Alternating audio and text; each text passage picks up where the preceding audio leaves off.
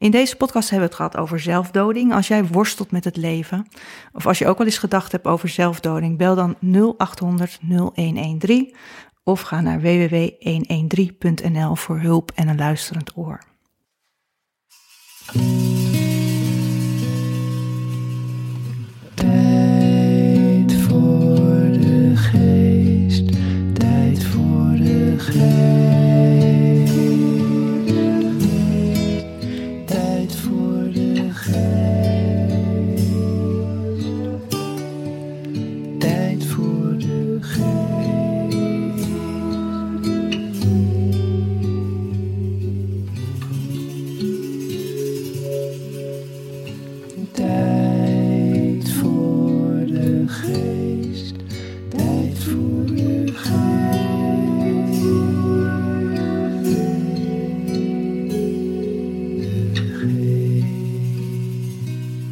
Welkom bij Tijd voor de Geest, een podcastserie van Museum van de Geest en Flow Magazine.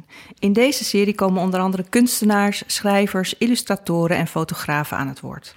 Allemaal hebben ze een band met Museum van de Geest en allemaal hebben ze een creatieve geest. Mijn naam is Karine Hoenderdos. Ik ben journalist, Haarlemmer, fan van Museum van de Geest en host van deze podcast. Altijd ben ik nieuwsgierig. Nieuwsgierig naar het brein van creatieve mensen. Hoe komen ze op ideeën? Hoe gaan ze om met alle prikkels in het dagelijks leven? Hoe brengen deze mensen hun geest tot rust? En loopt het ook wel eens spaak daarboven? En wat doen ze dan? Vandaag praat ik met Jantien de Bruin. Zij is fotograaf en filmmaker. Haar installatie Sister Love hangt hier in het museum. Welkom, Jantien. Dankjewel. Nou, ik wil beginnen met de vragen die ik eigenlijk waar ik altijd mee begin. Hoe is het met jouw geest vandaag? Ja, nou, vandaag eigenlijk wel goed. Ik heb vanmorgen al gesport of getennist buiten. Dus ehm, dat helpt wel om, eh, om eigenlijk de dag goed te beginnen. Ja, dus ik had een goede, goede ochtend in ieder geval. Ja. ja. Oké, nou prima. Mooi, dan is het een goede start voor, deze, voor dit gesprek. Ja, eigenlijk wel. Ja. Ja. dat verschilt nogal eens per dag, maar vandaag was goed. Ja, goed. Oké, nou voor de, voor de luisteraars van deze podcast die nog niet in het museum zijn geweest. Wat heel goed kan, want het museum is net open en er is de sluiting door de, Ja. eh, door de corona. Tante Koor noemen man- mensen tegenwoordig ook wel. Ehm, wat zou jij kunnen vertellen over jouw werk, eh, Sister Love, voor de mensen die het dus nog niet gezien hebben? Mhm. Ehm, Sister Love is eh, hier in het museum als installatie te zien. En het vertelt eigenlijk het verhaal over ehm, het, het verwerken van het eh, verliezen van mijn zus. Zij is in 19, of 2015 eh, overleden aan zelfdoding, door zelfdoding. En omdat eh, die gebeurtenis een plek te geven, heb ik daar werk van gemaakt, over gemaakt. Ehm, en het, is een, het zijn foto's, eh, twee video's, eh, ook objecten. ehm, die bij elkaar eigenlijk het verhaal vertellen. En eh, over rouw, over herinnering, verlies, liefde, verbinding. Zit eigenlijk allemaal een beetje zit het erin. op verschillende, manier, verschillende manieren uitgebeeld. Ehm, dus het is eigenlijk een beetje een woonkamer eh, van herinneringen. Zo kan je het ook een beetje ervaren als je in de ruimte bent. Een woonkamer van herinneringen. Ja, zo voelt het voor mij wel een beetje als ik er. eh, Omdat het, want ik was er net even nog om, om te kijken.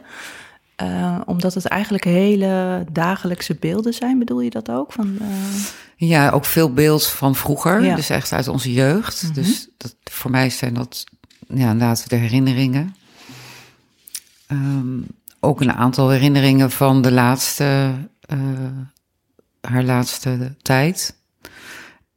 En een herinnering over mijn rouwproces. Eh, eigenlijk in de eerste periode na haar overlijden. en Ja. hoe, heb je dat, hoe heb je dat in beeld gebracht, die herinnering? Die nieuwe herinnering, Mhm. Ehm, die heb ik met eh, twee video's eh, in beeld gebracht. Eh, eentje in ieder geval gaat over... Of zie je een nachthemd eh, hangen in een eh, raamkozijn. Ja. En dat is in het huis in Zwitserland waar we gewoond hebben. Onze jeugd, lage schooltijd, zeg maar.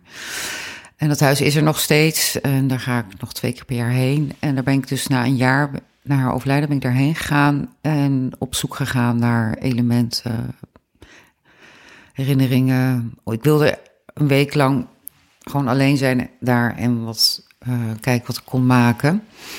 En ik had eh, twee nachthemden van haar nog eh, over, die zij droeg de laatste jaren. En die had ik meegenomen. En die heb ik eh, opgehangen en gefilmd. Hmm. Een roze en een blauwe. Ja, En, heel mooi met dat licht en hoe het daar dan ja, een beetje, een beetje licht wappert. Ja, het is heel mooi. Ja, Ja. draaien inderdaad een beetje Ja. zo rond. En in de edit heb ik ze zeg maar in elkaar over laten gaan. En dat vertelt weer meer over haar laatste jaren, waarin ze ja, nogal wisselend kon zijn van eh, persoon, stemming, gevoel. Eh, dus zeg maar die transformatie die zij eh, zelf onderging, die, ja, die wordt er eigenlijk een beetje in uitgebeeld. Samen natuurlijk met de herinnering van de plek Ja. en die slaapkamer vanuit waar ik het heb gefilmd, waar wij vroeger samen sliepen. Ja. Dus het is, ja, daar zit veel, komt veel samen. Ehm, er is ook een haarborstel te zien eh, als voorwerp. En, en in de video komt die eh, in voor. Ehm, ze had echt een toilet als vol met allemaal eh, haarborstels en haarkammetjes, klemmetjes. En ehm, ik vond het heel lastig eh, om dat gewoon weg te gooien. Dus ik kreeg dat eigenlijk zo van in mijn handen, hier, eh, dat moet weg. En uh, want er zaten echt nog haren van haar in. En ik, ja, dus ik heb dat heel lang bewaard, echt een paar jaar. Omdat ik het niet, vond, vond gewoon een heel naar idee om dat zo weg te gooien. Dus ik heb daar eigenlijk mijn eigen ritueel van gemaakt. Um, dus het is, ja, misschien is dat minder een herinnering, maar wel aan haar. Uh, voor mij is dat wel een voorwerp wat echt voor, uh, ja, um, iets zegt over haar. Mm -hmm. En voor mij een afscheid was, een persoonlijke afscheid meer. Ja, en in de video haal je die haren uit de borstel? Ja, ja precies. Die haal ik dus uit de borstel. Uh, vervolgens doe ik ze in een potje. en um, steek ik een lucifer aan en verbrand ik die haren. Ja. En uh, sluit ik het af, ja. eigenlijk. Ja. En voelde dat toen ook zo? Ja, eigenlijk wel. Want ik heb het heel lang, ik heb denk twee jaar, dacht ik aan om die video te maken. Mm -hmm. allerlei manier, op allerlei manieren. Uiteindelijk heb ik hem heel eenvoudig gemaakt. Um, en je kon het ook niet even oefenen. Nee. Dus um, het moest echt in één keer. Uh, dus ja, nee, ik vond het fijn. Het, het ruimte op in mijn hoofd ook. Ja. ja. Ja, want je zei van, ik heb door deze installatie heb ik het een plek gegeven. En nou is rouw natuurlijk niet iets wat voorbij gaat eigenlijk. Hè? Dus dat is er waarschijnlijk nog steeds. Maar hoe, hoe geef je dat een plek? En in hoeverre heeft het feit dat jij kunstenaar bent jou daarbij geholpen? Ja, heel veel. Ja, het heeft me echt wel geholpen om het... Uh, sowieso vond ik het fijn om uh, uh, herinneringen eigenlijk ook vast te houden of vast te leggen, waardoor ze wat meer verankeren. Mhm. Omdat het zo, anders zo in het luchtledig of zo verdwijnt. Of die angst heb je dan, dat dat verdwijnt. Dus uh, sowieso heb ik hiermee, voel ik echt veel meer stevigheid in die uh, herinneringen. En het terug gaan denken en ervaren hoe onze relatie was. Um, dus het heeft veel meer, het heeft echt wel inzichten gegeven. En uh, ja, de ruimte is best wel op in je hoofd. Dus het geeft veel meer rust. Het is eigenlijk wel een manier van verwerken om het zoiets ja. te maken. Ja. En, en um, ja, je, bent, je bent een fotograaf en een filmmaker, dus het is logisch dat je al snel in die beelden ging denken. Maar dacht je ook al snel van, dit, dit moet ik op de een of andere manier tot beelden verwerken? Of? Ja, ja, ik heb inderdaad, het is wel, wel ook nog één object, zeg maar, of object. Het zijn twee brieven die ik heb uh, ja. fictief heb geschreven. Um, en verder is het ja visueel. Ik ben een ja, visuele maker. Dus voor mij is dat wel de, eh, De ja, logische de stap. logische stap. Mm. Ja, Ja. Ja. Ja. En over die brieven, want eh, die, van, ja, daar kan ik niet naar kijken zonder dat ik tranen in mijn ogen krijg. Vind ik echt heel mooi. Een brief van jou aan je zus en een Mhm. brief terug van je zus. Want ja je, klopt. je zus heeft geen afscheid genomen. Nee. Nee, dus dit was een manier voor mij om ehm, nog wat te kunnen zeggen. Ja, En, iets, en zelf iets te bedenken waarvan ik denk, zoals zij het zou antwoorden. Ehm, het geeft een soort controle misschien over eh, een situatie waar je geen controle over hebt. en in hoeverre geeft dat dan controle? Nou, dat het een soort maakbaarheid is die je voor jezelf eh, wat prettig is. Van nou, zo als het zo. Hè, dit, Als ze zo heeft geantwoord, dan is ja, het ook goed. ja, en als ik dit heb, nog heb kunnen zeggen, eh, nu al is het daarna, dan is dat ook fijn. Dat, Ja. Alsof ze toch, toch een beetje zoals ze het gehoord heeft. Misschien ook natuurlijk niet, maar ehm, ja. Kun je Ja. heel kort vertellen wat er in die brieven staat?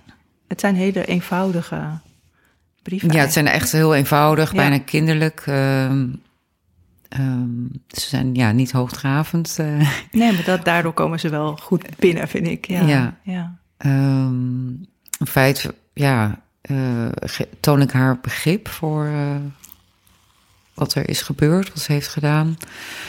En vertel ik haar, en, dus en dat ik haar zeg dat ik hoop dat het, goed, dat het nu goed is met haar en dat ze rust heeft. Ja. En, en ik vertel haar dat het goed gaat met ons, dat we haar heel erg missen. Ehm, ja, dat, zijn een paar dingen die ik wel belangrijk vond om dat haar nog te zeggen. Ja. Zo, ja. En wat heeft ze jou geantwoord? Ehm, dat het inderdaad een soort, ja, eigenlijk bevestigt ze wel van dat het eh, nu, eh, dat het voor haar gewoon niet meer eh, leefbaar was. En dus dat, het, nou, dat ze nu wel rust heeft en dat ze het ja, fijn vindt dat het goed gaat. Met haar kinderen. En ja, En kun je nog eh, vertellen hoe, het, hoe dat is gegaan in jouw hoofd? Eh, want ja, ik probeer in jouw geest te kijken vandaag. hè? Mhm. Dus eh, ja. hoe gaat het? Want ja, de rouw en de schrik natuurlijk van het overlijden. En dan, dan krijg, je, krijg je dan de impuls om, ik moet het verwerken, ik moet iets maken? Of, Nee, er werd mij wel gevraagd. Al iemand vroeg van, oh, je ga je hier wat mee eh, maken? Maar het eerste jaar eh, had ik totaal... eh, ik dacht wel, misschien ga ik daar wat mee maken. Maar het eerste jaar was het echt nog helemaal niet in de orde. nee. Ehm, had ik ook geen idee wat, of wilde ik er ook helemaal nog niet. Ja, dat lukte ook sowieso niet. Dus pas na een jaar voelde ik dat er wel tijd was om er iets mee te gaan doen. Ja. Ja. En toen? Toen En- kwamen die beelden of toen ging je zoeken? Ja, toen ben ik erover gaan nadenken en ben ik dus een week naar Zwitserland gegaan. En daar heb ik eigenlijk ook wel een start gemaakt. Heel veel materiaal wat ik heb gemaakt eh, heb ik niet gebruikt. Of een deel daarvan eh, komt voor in het boek wat ik heb gemaakt. Sister Love. Eh, daar is, ja, een aantal beelden zijn hetzelfde als in de installatie. Maar er zitten ook andere beelden in. Wat ik destijds daar heb gemaakt. Ehm, dus het vult elkaar een beetje aan, het boek en de tentoonstelling. Ehm, dan moet ik even. Ja, je bent natuurlijk naar oude foto's Ja, gaan ik- zoeken. ja, toen ben ik Ja. al die albums gaan eh, ophalen her en der. Ehm, en ben ik daar gewoon in gaan eh, bladeren, kijken. En heb ik foto's eruit gehaald. En gaan zoeken of dingen die me opvielen. Gewoon gaan, ja, kijk, ja, op een bepaalde manier kijken. Ja. Ja, want er zijn bijvoorbeeld foto's, dan zie je dat jullie allebei hetzelfde jurkje aan hebben. Of Ja. eh, dat jullie op dezelfde manier liggen te zonnen. Ja, Eh, dat soort beelden heb je gezocht? ja toch een soort. Of dat eh, ging vanzelf, weet ik niet. Ehm, nou, wat me wel opviel was dat er best wel veel overeenkomsten bij in ons zaten. Maar ook waarschijnlijk door mijn moeder die ons hetzelfde kleden. Ook al eh, verschilden we twee jaar, maar dat was misschien in die tijd wat, ja, wat meer gewoon om, om dat te doen. Dat je je kinderen hetzelfde kleedt. Of we vonden het gewoon leuk. Dat weet, dat weet ik, ja, een deel, een deel dat mijn moeder dat deed. Hetzelfde blauwe jurkje en de witte Ja. kniekousen. En, Ja, ja. Ja, dus dat mode, ja. En eigenlijk voelt het voor mij als een soort... ehm, als je als zussen opgroeit, dat je een soort wissel, inwisselbaarheid... eh, dat die ontstaat. Is dat zo? Het is ook meer onderzoek eh, naar de vraag, daar, de Mhm. vraag daarnaar. Is dat zo? Wat blijft van die ander in jou achter? Je zoekt naar de overeenkomsten, maar ja, ik zag ook heel veel, heel veel verschillen. Want we zijn eigenlijk heel verschillend. Mhm. Maar toch heb je ervoor gekozen om vooral die overeenkomsten in beeld ja, te brengen. ja, omdat dat eigenlijk het meest verbindt. Ja.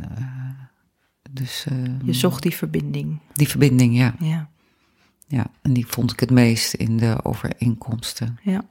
En je zegt van, het heeft me ook wel nieuwe inzichten opgeleverd. Wat, wat, wat zijn dat bijvoorbeeld? Ehm, ja, dat vind ik lastig eh, uit te leggen zo nu. Ehm,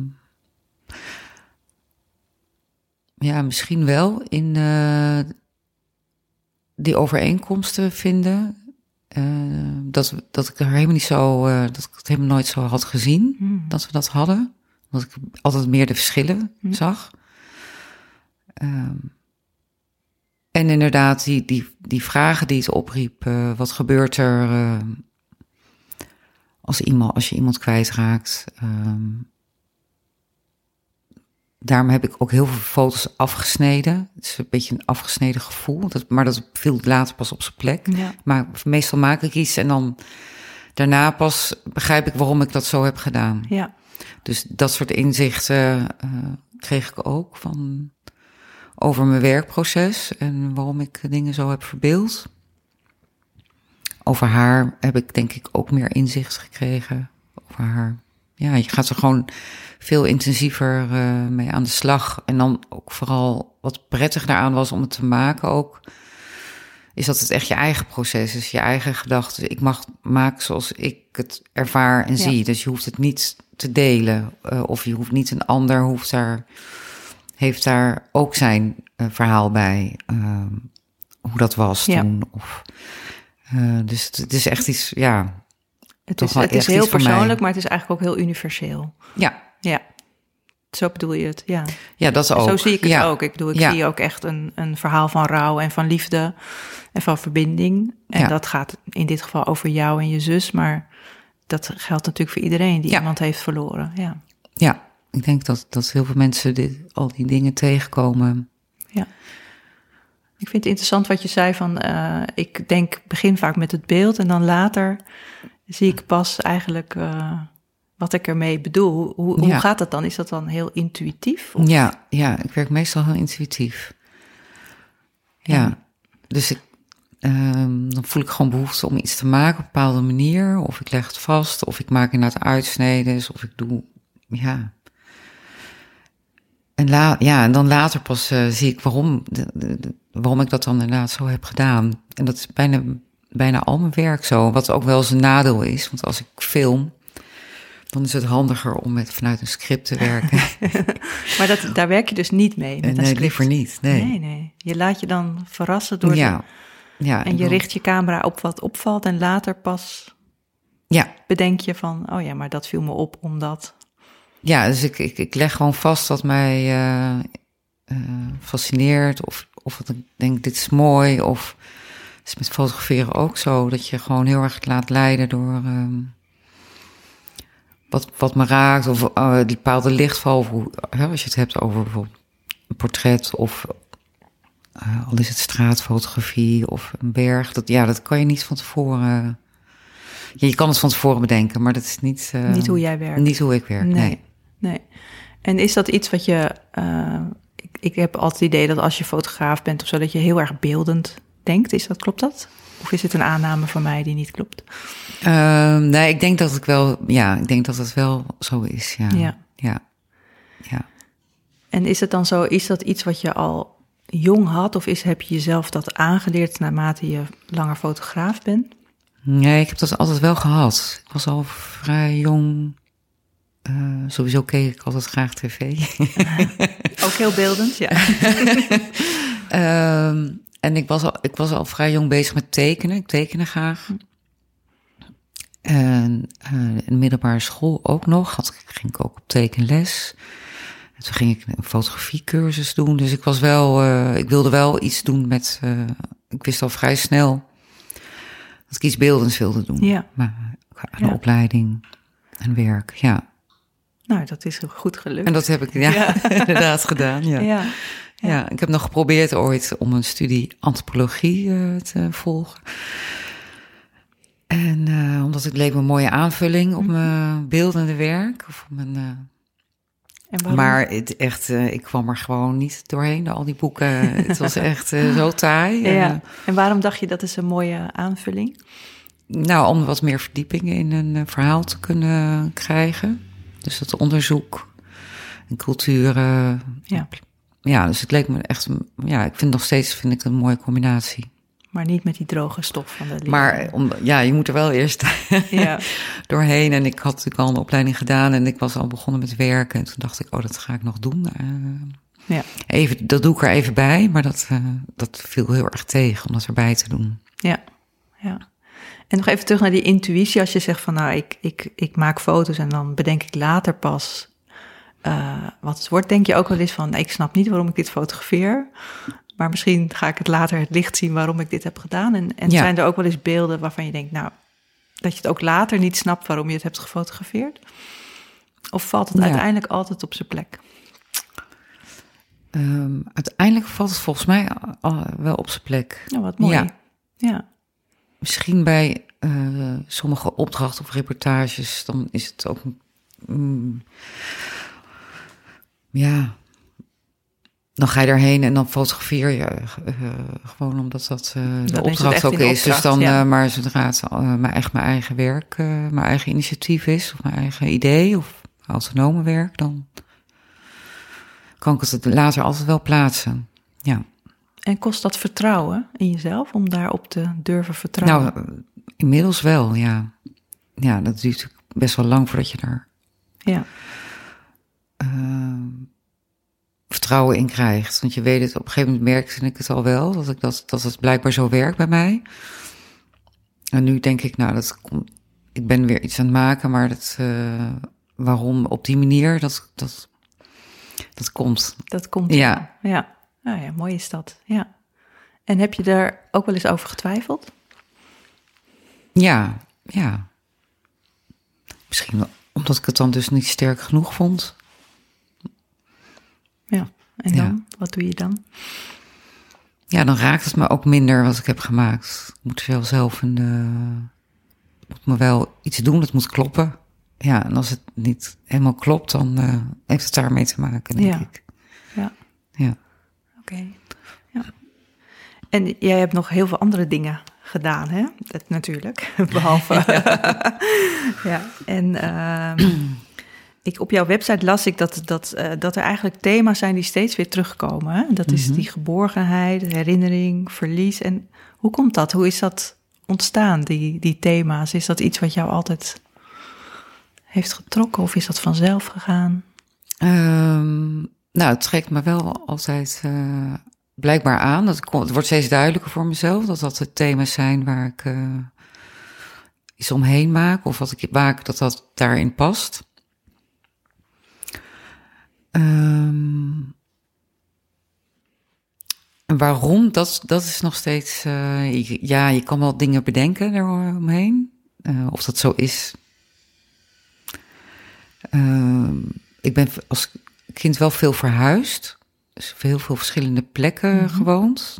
Ehm, En ook in ander land? ander land ook. Eh, dus dat stukje geborgenheid of een plek. Dat is, ik heb vaak een- zo'n huis, fysieke plek. Of ehm, dat komt vaak terug in mijn werk. Ja. Eh, eh, ja, waar mensen zich, waar je geborgen kan voelen. Dus dat is een thema dat denk ik daar wel mee te maken heeft, Ja. in ieder geval. En die herinneringen? Ehm, die herinneringen, denk ik, eh, heeft daar deels ook wel mee te maken. Maar ehm, ik denk dat herinneringen wel eh, heel waardevol zijn eh, voor iedereen. Ehm, om te koesteren. Ja, Waarom? nou, ik denk dat eh, de, het, eh, de waarde van iets inzien, van wat je hebt meegemaakt, of wat je.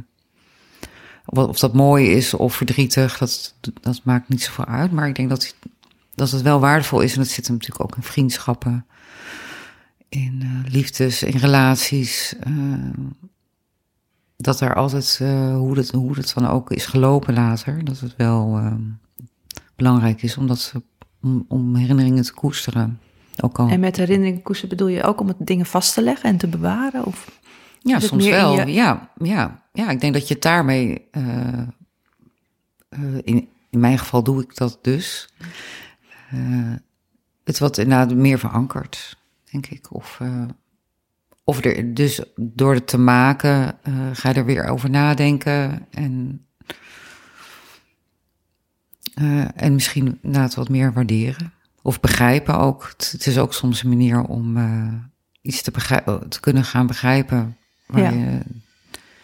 je wat eerder onduidelijk was. Ja.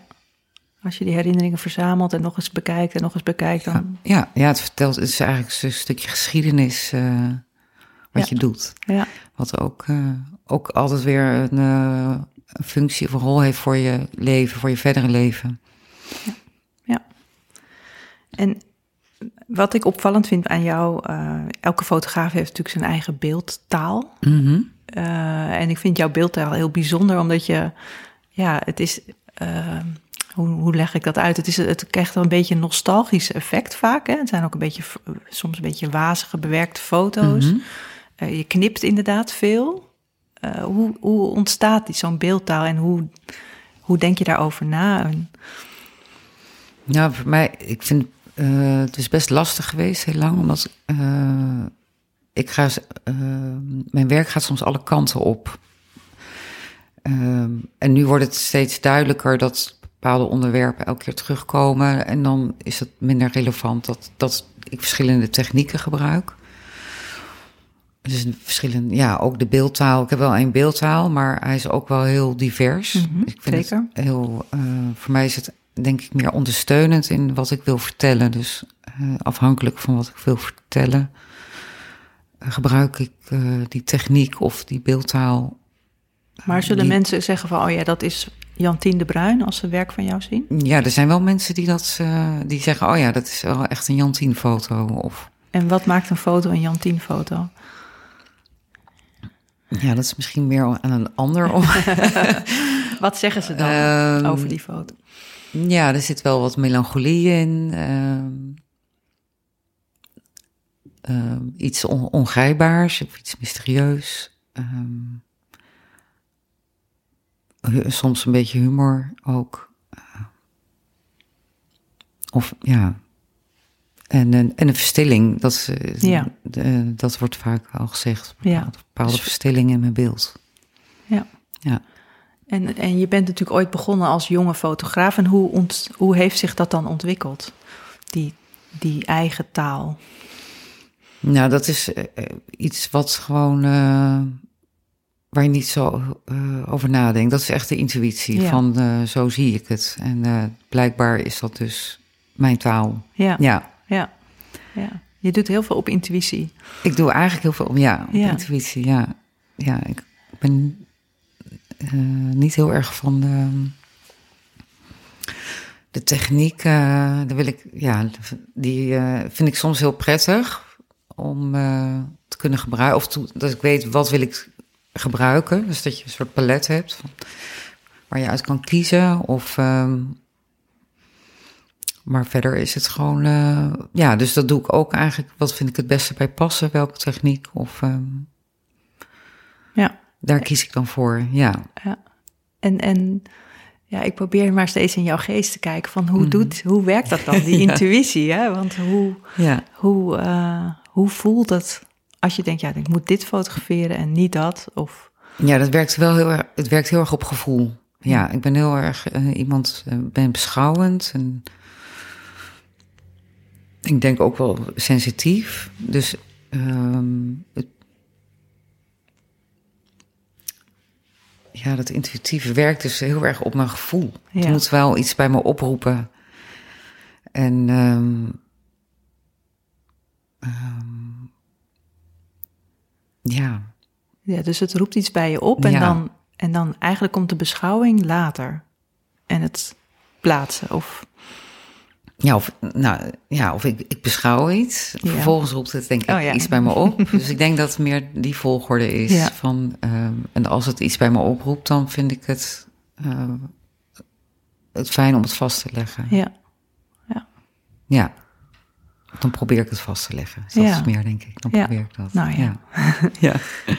En ehm, wat ik ook heb bekeken, wat ik eh, heel mooi vond, was die documentaire die je hebt gemaakt. Ook toevallig ook over drie zussen, over drie zussen dan. Ja. En ook een soort sister love, maar dan heel anders. Eh, de zusjes Otten. Ja. Ja. En dat waren jouw buurvrouwen, toch? ja, dat waren mijn buurvrouwen, ja. Ja. Ja.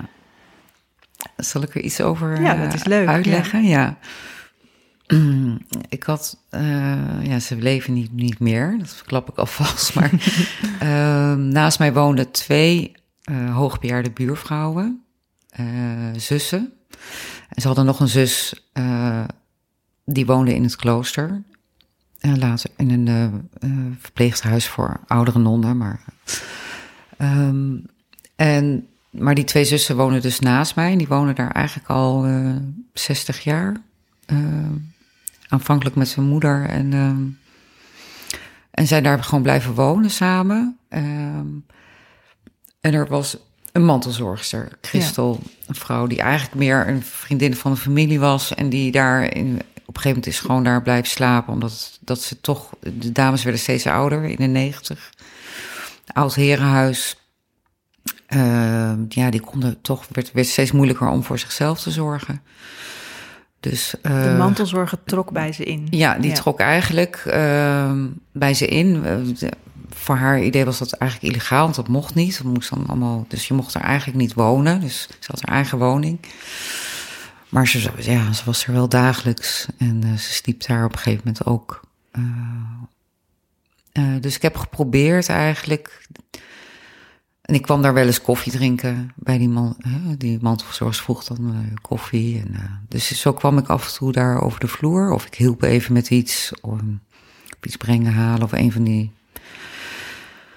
Ja, een beetje bijdragen. En, eh, en toen ben ik eh, gewoon op een gegeven moment... eh, tijdens zo'n verjaardag eh, ben ik gewoon begonnen met filmen. Zo dacht ik, oh, dat is wel heel mooi wat hier gebeurt. Ja, en zo ben ik steeds vaker, als ik erheen ging, eh, had ik gewoon mijn camera mee om te filmen. En in het begin, want ik had nog helemaal geen eh, filmopleiding of iets gedaan. Dus techni- technisch was het allemaal niet heel best. Maar eh, eh, zo heb ik, ja, eigenlijk in een aantal jaren heb ik beeld verzameld van Ja. hun leven. Hoe ze dat leefden samen. Ze, kregen echt een, ehm, een afhankelijkheid eigenlijk wederzijds. Dus ze hadden elkaar, eh, die, zus, die zussen hadden die mantelzorgster nodig. Maar die mantelzorgster had eigenlijk hun ook nodig. Ja. Ja. En was dat wat je dacht, van dit is heel mooi wat er gebeurt? Ja, ik vond die dynamiek heel bijzonder. Wat er gebeurde. Ja. Eh, dat, en ook de, eh, dat je echt ook even een inkijkje kreeg over de waarde van een mantelzorger. Ja. Ja, was, was niet een echte mantelzorger, maar ze, was, ze is daar gewoon gebleven. Ehm, de- ja, dus dat vond ik wel een heel mooi proces om te zien dat zich dat een beetje vermengt van eh, dat je elkaar eigenlijk heel erg nodig hebt. En dat het ook. eh, Want de mantelzorger had ze nodig omdat ze eigenlijk ook wel eenzaam was. ja, Ja. ja, Ja. ja. Dus en daardoor voel, ja, was ze nodig. Ze was, ze was daar nodig. Dus dat vond ze heel fijn. Ja. Om nodig gevonden te worden. Oh, ze roepen me weer. Oh, ze, ja, ik Ja. moet er zijn, ik moet er zijn. En het vond het heel zwaar, dus het was voor haar heel dubbel. Ze vond het eigenlijk veel te zwaar. En ze had zelf allemaal lichamelijke eh, klachten en Ja. eh, mankementen. Maar ja, dat woogde niet. Het was niet eh, voor haar een reden om zich terug te trekken. Nee. Want zij voelde zich ook wel verantwoordelijk ervoor dat ze niet naar een verzorgingstehuis moesten. Ja. Ze wilde het liefst dat ze daar in dat huis konden blijven wonen. En natuurlijk was die relatie tussen die zussen en die zus in het klooster... Was, ja, het op zich is het natuurlijk intrigerend dat die zussen Ja. nooit, eigenlijk nooit uit huis zijn gegaan. Ja. Altijd in hun ouderlijk huis zijn blijven wonen. Ja, ja, dus dat was wel intrigerend op zich. En dat ze alle drie, ze hebben nooit kinderen gekregen, nooit getrouwd geweest. ja.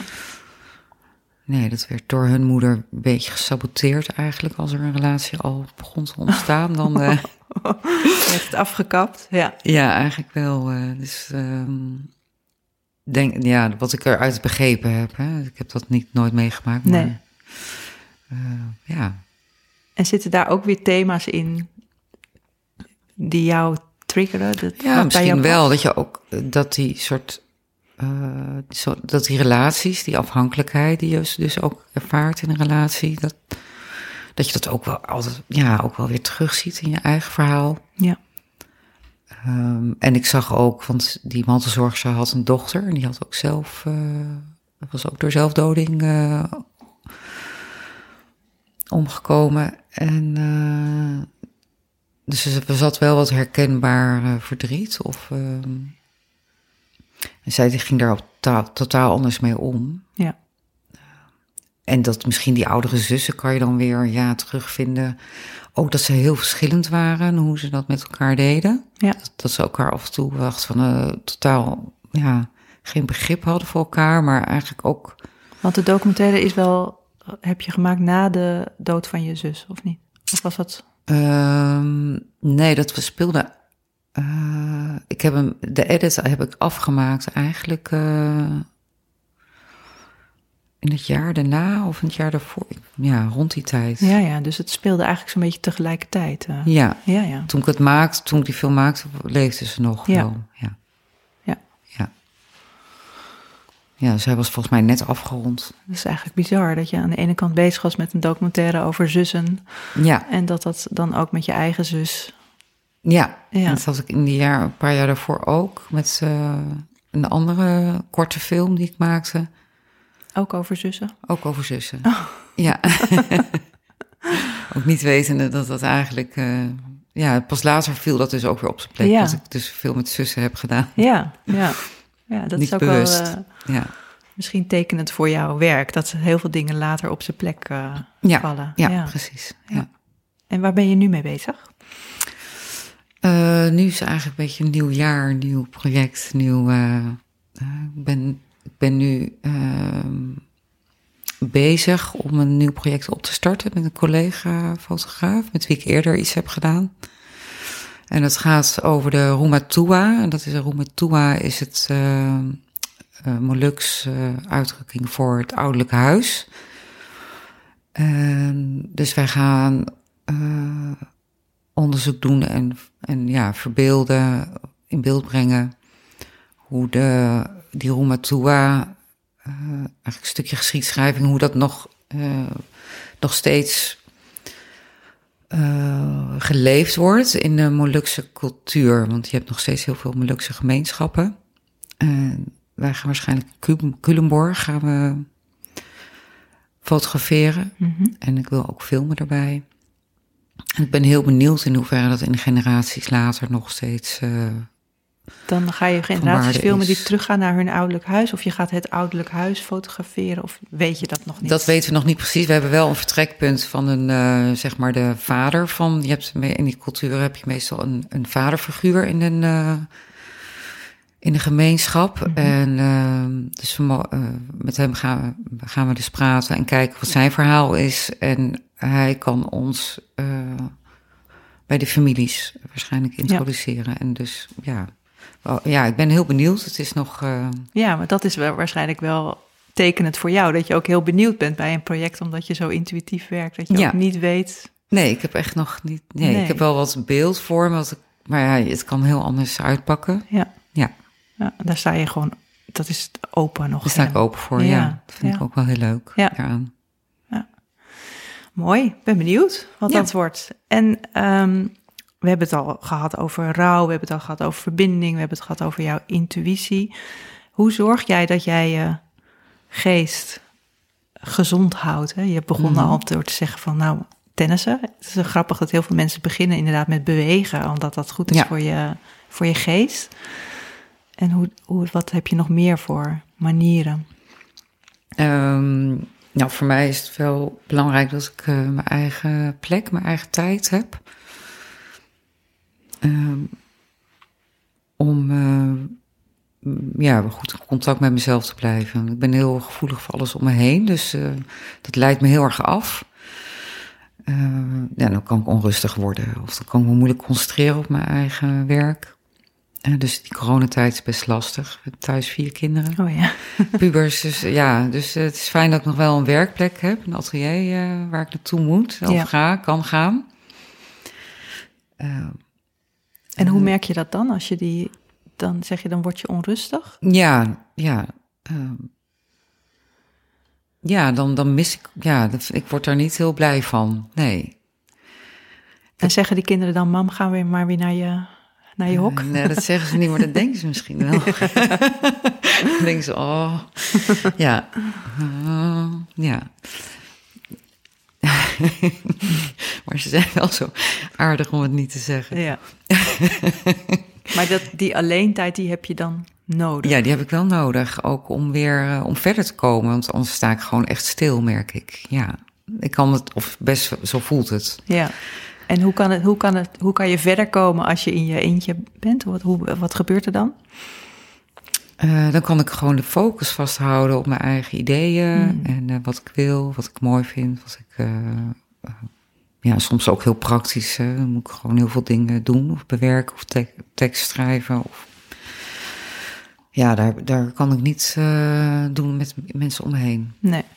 Dus alleen is belangrijk voor. Alleen is eigenlijk heel alleen. belangrijk. Ja. Buiten zijn, natuur is belangrijk. Dat zijn, ja, het zijn eigenlijk allemaal clichés, maar eh, Maar ja, ja. die zijn er niet voor niks, toch? Clichés. Nee, precies.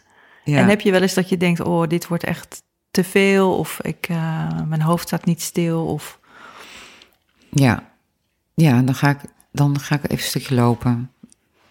Dan denk ik, oh ja, dat moet ik doen dan even. En als je loopt, dan vallen. Ja, dan, dan word ik dan, eh, ja, dan heb ik ook inderdaad het gevoel dat ik wat beter voor mezelf zorg. Ja, dus dat vergeet ik nog wel eens. En ik vind het gewoon wel lastig hoor, dat is zo'n corona-jaar, zo'n Mhm. periode. Ehm, dus ik deed inderdaad ook nog yoga erbij, maar dat ging dan meestal heen. Dus ja, thuis doe ik dat dan dus weer niet. En dan merk je toch wel dat je een aantal dingen mist die je normaal doet. Ja. Ja, En eh, dingen als musea of collega's bezoeken. Of, Ja. ja dat werkt ook goed, Ja. altijd. Ja, het- ja, Kan ook niet. dus dat kan niet. Dus, het is, ik vind het, ja, ik ben zo blij zijn als het eh, weer een beetje terug gaat. Ja. Eh, dat, dat je na het weer ergens naartoe kan. Om wat te laten inspireren. ja. Ja. Ja. En, en liefst zou ik ook weer willen reizen. Ja. ja, want die nieuwe beelden. Ja, het werkt voor mij ook goed om weg te gaan. Ergens een artist in residence. Ja. En dan kan ik ook inderdaad in feite alleen eh, een tijdje concentreren. Nou, wie weet komt het ooit weer. Vast wel. ja, ja. Ja, vast wel. Oké. Nou, Jantien, dank je wel voor dit gesprek. Ja. Je gedaan, vond het leuk. Ja, vond het ook leuk en eh, interessant. Ik raad iedereen aan om naar jouw installatie te gaan kijken. Ik vond het eh, echt, het is echt heel mooi, vind ik. Dankjewel. Je luisterde naar Tijd voor de Geest, een podcast van het Museum van de Geest en Flow Magazine. De producer is Jonne Seriese. De tune is van Spinvis. Mijn naam is Carine Hoenderdos. Wil je meer weten over het museum, over deze podcast of over Flow Magazine? Ga dan naar mu- www.museumvandegeest.nl of www.flowmagazine.nl. In deze podcast hebben we het gehad over zelfdoding. Als jij worstelt met het leven, of als je ook wel eens gedacht hebt over zelfdoding, bel dan 0800 0113 of ga naar www.113.nl voor hulp en een luisterend oor. Dit was de vijfde aflevering van Tijd voor de Geest. Je kunt de podcast ook volgen op www.vriendvandeshow.nl Tijd voor de Geest en ons misschien ook een donatie geven als je een aflevering heel erg mooi vond. Abonneer je op deze podcast bij iTunes en laat een review achter. Of deel deze podcast met vrienden en familie, zodat zij ook eens tijd maken voor de geest. Tot de volgende keer.